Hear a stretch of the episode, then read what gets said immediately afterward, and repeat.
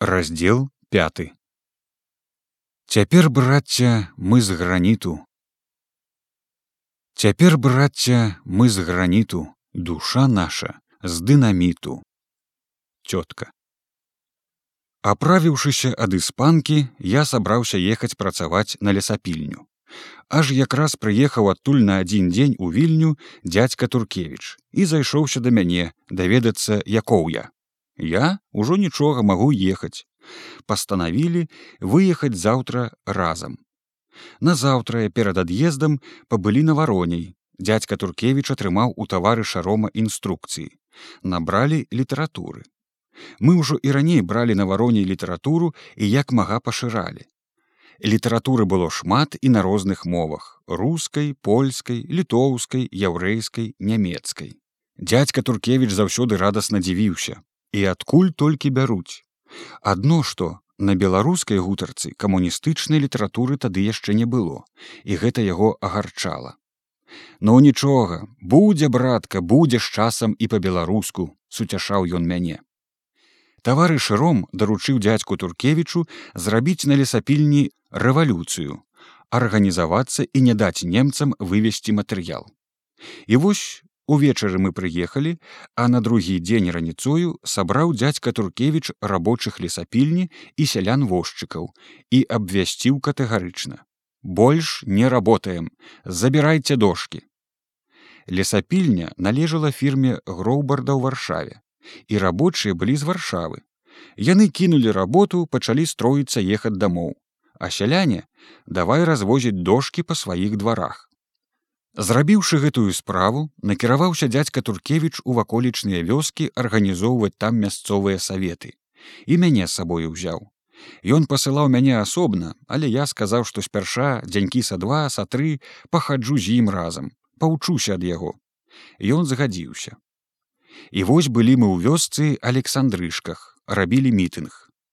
Тым часам прыехаў на лесапільню пан Энгельман, упаўнаважаны фірмы глядзіць завод не працуе рабочыя сядзяць і дошак няма усе развезены дзе механік туркевич пайшоў на вёску рабіць рэвалюцыю кажуць яму. Ён доўга не думаўшы да немцаў. Паслалі лавіць бальшавіка туркевіча а заадно і яго памочніка. Прыйшлі паліцыянты ў александрышкі А мы там ужо мітынг распачалі. Поўная хата людзей душна цесна накурана.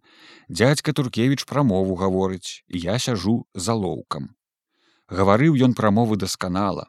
І рэвалюцыйныя вершы ўстаўляў часцей за ўсё беларускія і дэкламаваў іх як артыст. І вось толькі дайшоў ён да найвышэйшага пункту напружыў усю хату да адказу махае руками то сціскаючы іх то расціскаючы малоціць сябе кулакамі ў худыя грудзі зычным звонкім голасам дэкламуе. Цяпер брацця мы з граніту душа наша з дынаміту рука моцна грудь акута пора брацця парваць пута шасць у хату немцы жандары. Было іх усяго двух толькі што з карабінамі і бомбамі. А мы з голымі руками. Дык мітынг нам сарвалі, сялян разагналі, дядзьку туркевіча і мяне арыштавалі і павялі. Давялі да вёскі аўсянішак. Там загадалі старасту запрэгчы каня, прывязалі дядзьку туркевіча да правай аглоблі, мяне да левай, самі селі, старасту пасадзілі за фурмана і паехалі. У поле выбраліся крокам, а ў полі таўстаморды жандар сеў на месца старасты і пагнаў кабылу. Кабыла бяжыць і мы павінны бегчы па восеньскай дарозе дядзька туркевич слабым сэрцам а я пасля іспанкі. Мы прабавалі спыняцца пратэставаць крычаць але дарэмна. Жандары з нахабнымі мордамі здзекваліся з нас. Гэты который кіраваў канём нават падсцёбваў і кабылу і нас то дядзьку туркевіча то мяне дядзька туркевич задыхаючыся крычаў. Нічога яшчэ і мы на вас паездзім я ў адным месцы падхапіў з зямлі ком гразі павярнуўся і на хаду махануў у тоўстую морду. Але прамахнуўся і заляпіў усяго старасту. А стараста маўчаў баяўся слова пікнуць у нашу абарону. Тады другі жандар пераняў лейцы, трохі прыцішыў кабылу. Сустрэўся нам селянін з возам, от так сабе чалавек дзядзька сярэдняга веку і здзеў шапку перад нашымі немцамі, пакланіўся ім па прывыцы.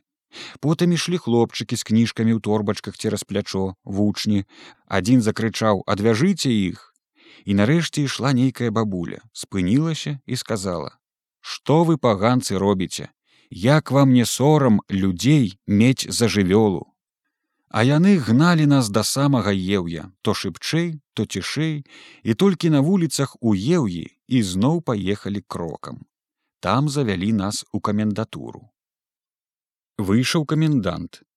А бандыты бальшавікі расстралять! Напісаў запіску адправіць нас у радзівілішкі і там расстралять і паслаў запіску ў салдатен рад зацвердзіць я спярша думаў што ён строіць з намі дурня. Але потым мушу прызнацца апаў быў духам бо страшэнна змучыўся пакуль яны нас сюды прыгналі. Годнасці свае чалавечае ўсё ж не страціў трымаўся цвёрда.